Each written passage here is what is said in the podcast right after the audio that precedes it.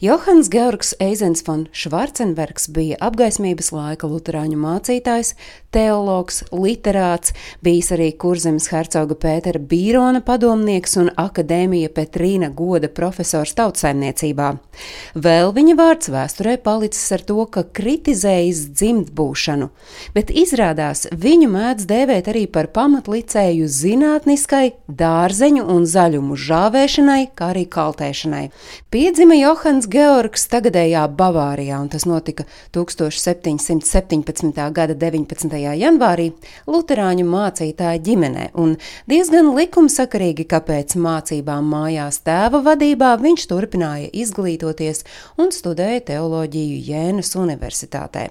Pēc studiju beigšanas devies uz Livoniju, kur Vidzemes guberņā vispirms strādājis par mājskolotāju, bet pēc tam kļuva par mācītāju. Tas bija laiks, kad mācītājs sarakstīja četrus darbus par dzimtbūšanas kaitīgumu. Tiesa, divi no tiem tikai piedzīvoja publicēšanu. Tā piemēram, rakstā sistemātisks apcerējums par valsts saimniecisko pamatiekārtu, viņš rakstīja par zemnieku atbrīvošanu, jo Eizens uzskatīja, ka cilvēkus veido sociālā vide, kurā viņi atrodas, un ka labklājību varot celt ar saprāta un taisnības principiem, nevis ar varmācību un cilvēku izmantošanu, un ka zemnieku dzimtbūšana patiesībā ir kaitīga tik labi kungiem, kā arī valstī.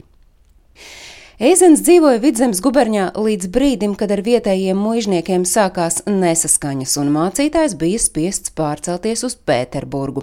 Bet no turienes viņš nonāca toreizējā Mītavā, tagad Jēlgavā, kur nokļuvis dienestā pie kurzemes hercoga Pētera Bīrona, un viņš kļuva par viņa tautsaimniecisko padomnieku. Tā piemēram, tieši Johans Georgs Eizens, būdams akadēmija Petrīna goda profesors un hercoga Bīrona tautsaimniecisko jautājumu padomnieks, izstrādājis Rundāles pils apsaimniekošanas plānu, un pēc tā izveidoti divi augļu dārzi, vīna kalns un apiņu dārzs.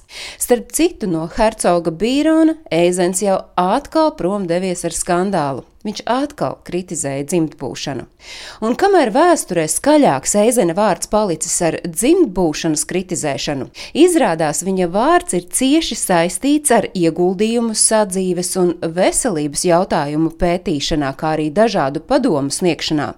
Izrādās, ka viņam ir bijušas gana plašas un daudzpusīgas zināšanas, ja reiz viņa kontā ir mācība par koku pārstādīšanu, saimnieciskas pārdomas par zvejniecību Peipus ezerā, piezīmes par kūdras lietderību degvīna tecināšanā.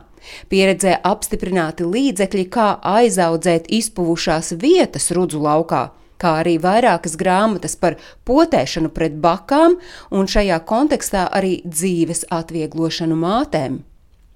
Eizens arī sarakstījis tādas grāmatas kā Mācība par vispārīgu garšaugu un sakņu kaltēšanu, kas izdota Rīgā 1772. gadā un pēcāk tulkota piecās valodās, kā arī Māksla izkaltēt un saglabāt garšaugus un saknes, jauna veida pārtikas radīšana.